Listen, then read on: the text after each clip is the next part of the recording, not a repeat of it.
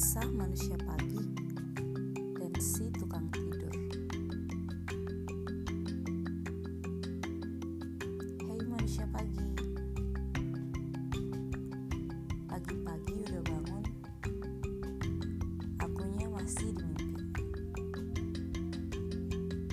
Tiap pagi udah bangun kejar mimpinya. Aku masih tidur. Tiap pagi bergegas bersiap ke kantor, aku masih terlelap.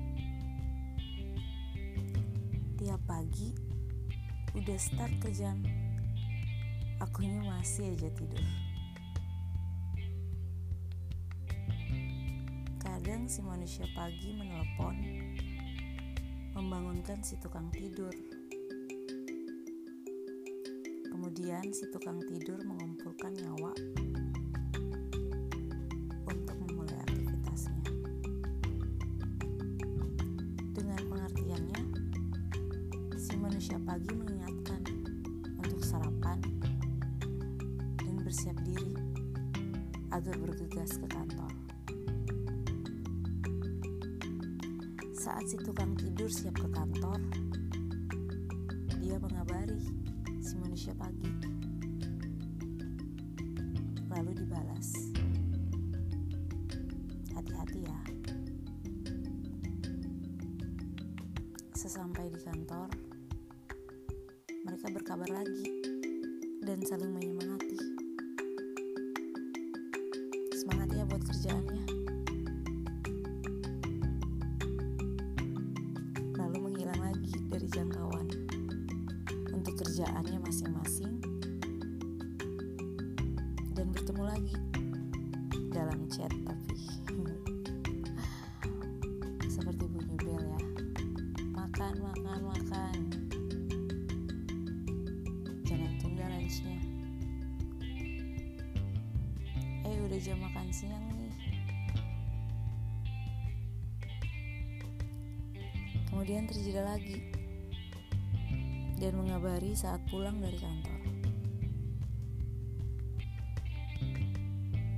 Lalu ucapan semangat bagi yang masih kerja dan yang sudah pulang agar segera bersih-bersih diri.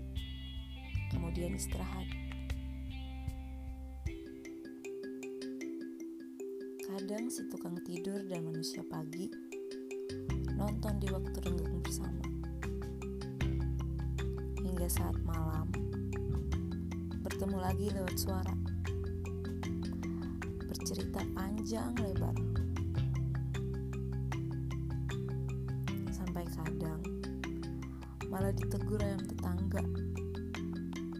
Baru sadar deh sudah masuk pagi.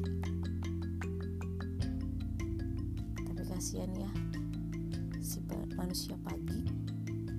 Rutinitasnya mesti pagi-pagi. Dan istirahatnya hanya sedikit. Dia bela-belain tuh biar selalu punya waktu bersama. Sabar pula menunggu kalau si tukang tidur lagi banyak aktivitasnya. Si tukang tidur mungkin selalu hilang dari radar. Tapi percayalah, dia tetap ada kok. Kasih untuk selalu ada saja pengertian dan komunikasi. Kata si tukang tidur. Semoga tidak bosan. Semoga tidak ada kecewa. Semoga selalu ada cara untuk saling menyemangati.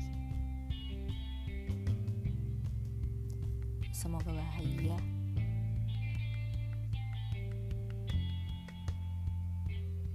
Si tukang tidur pesan kita memang semakin dekat, tapi jarak membuat kita jauh.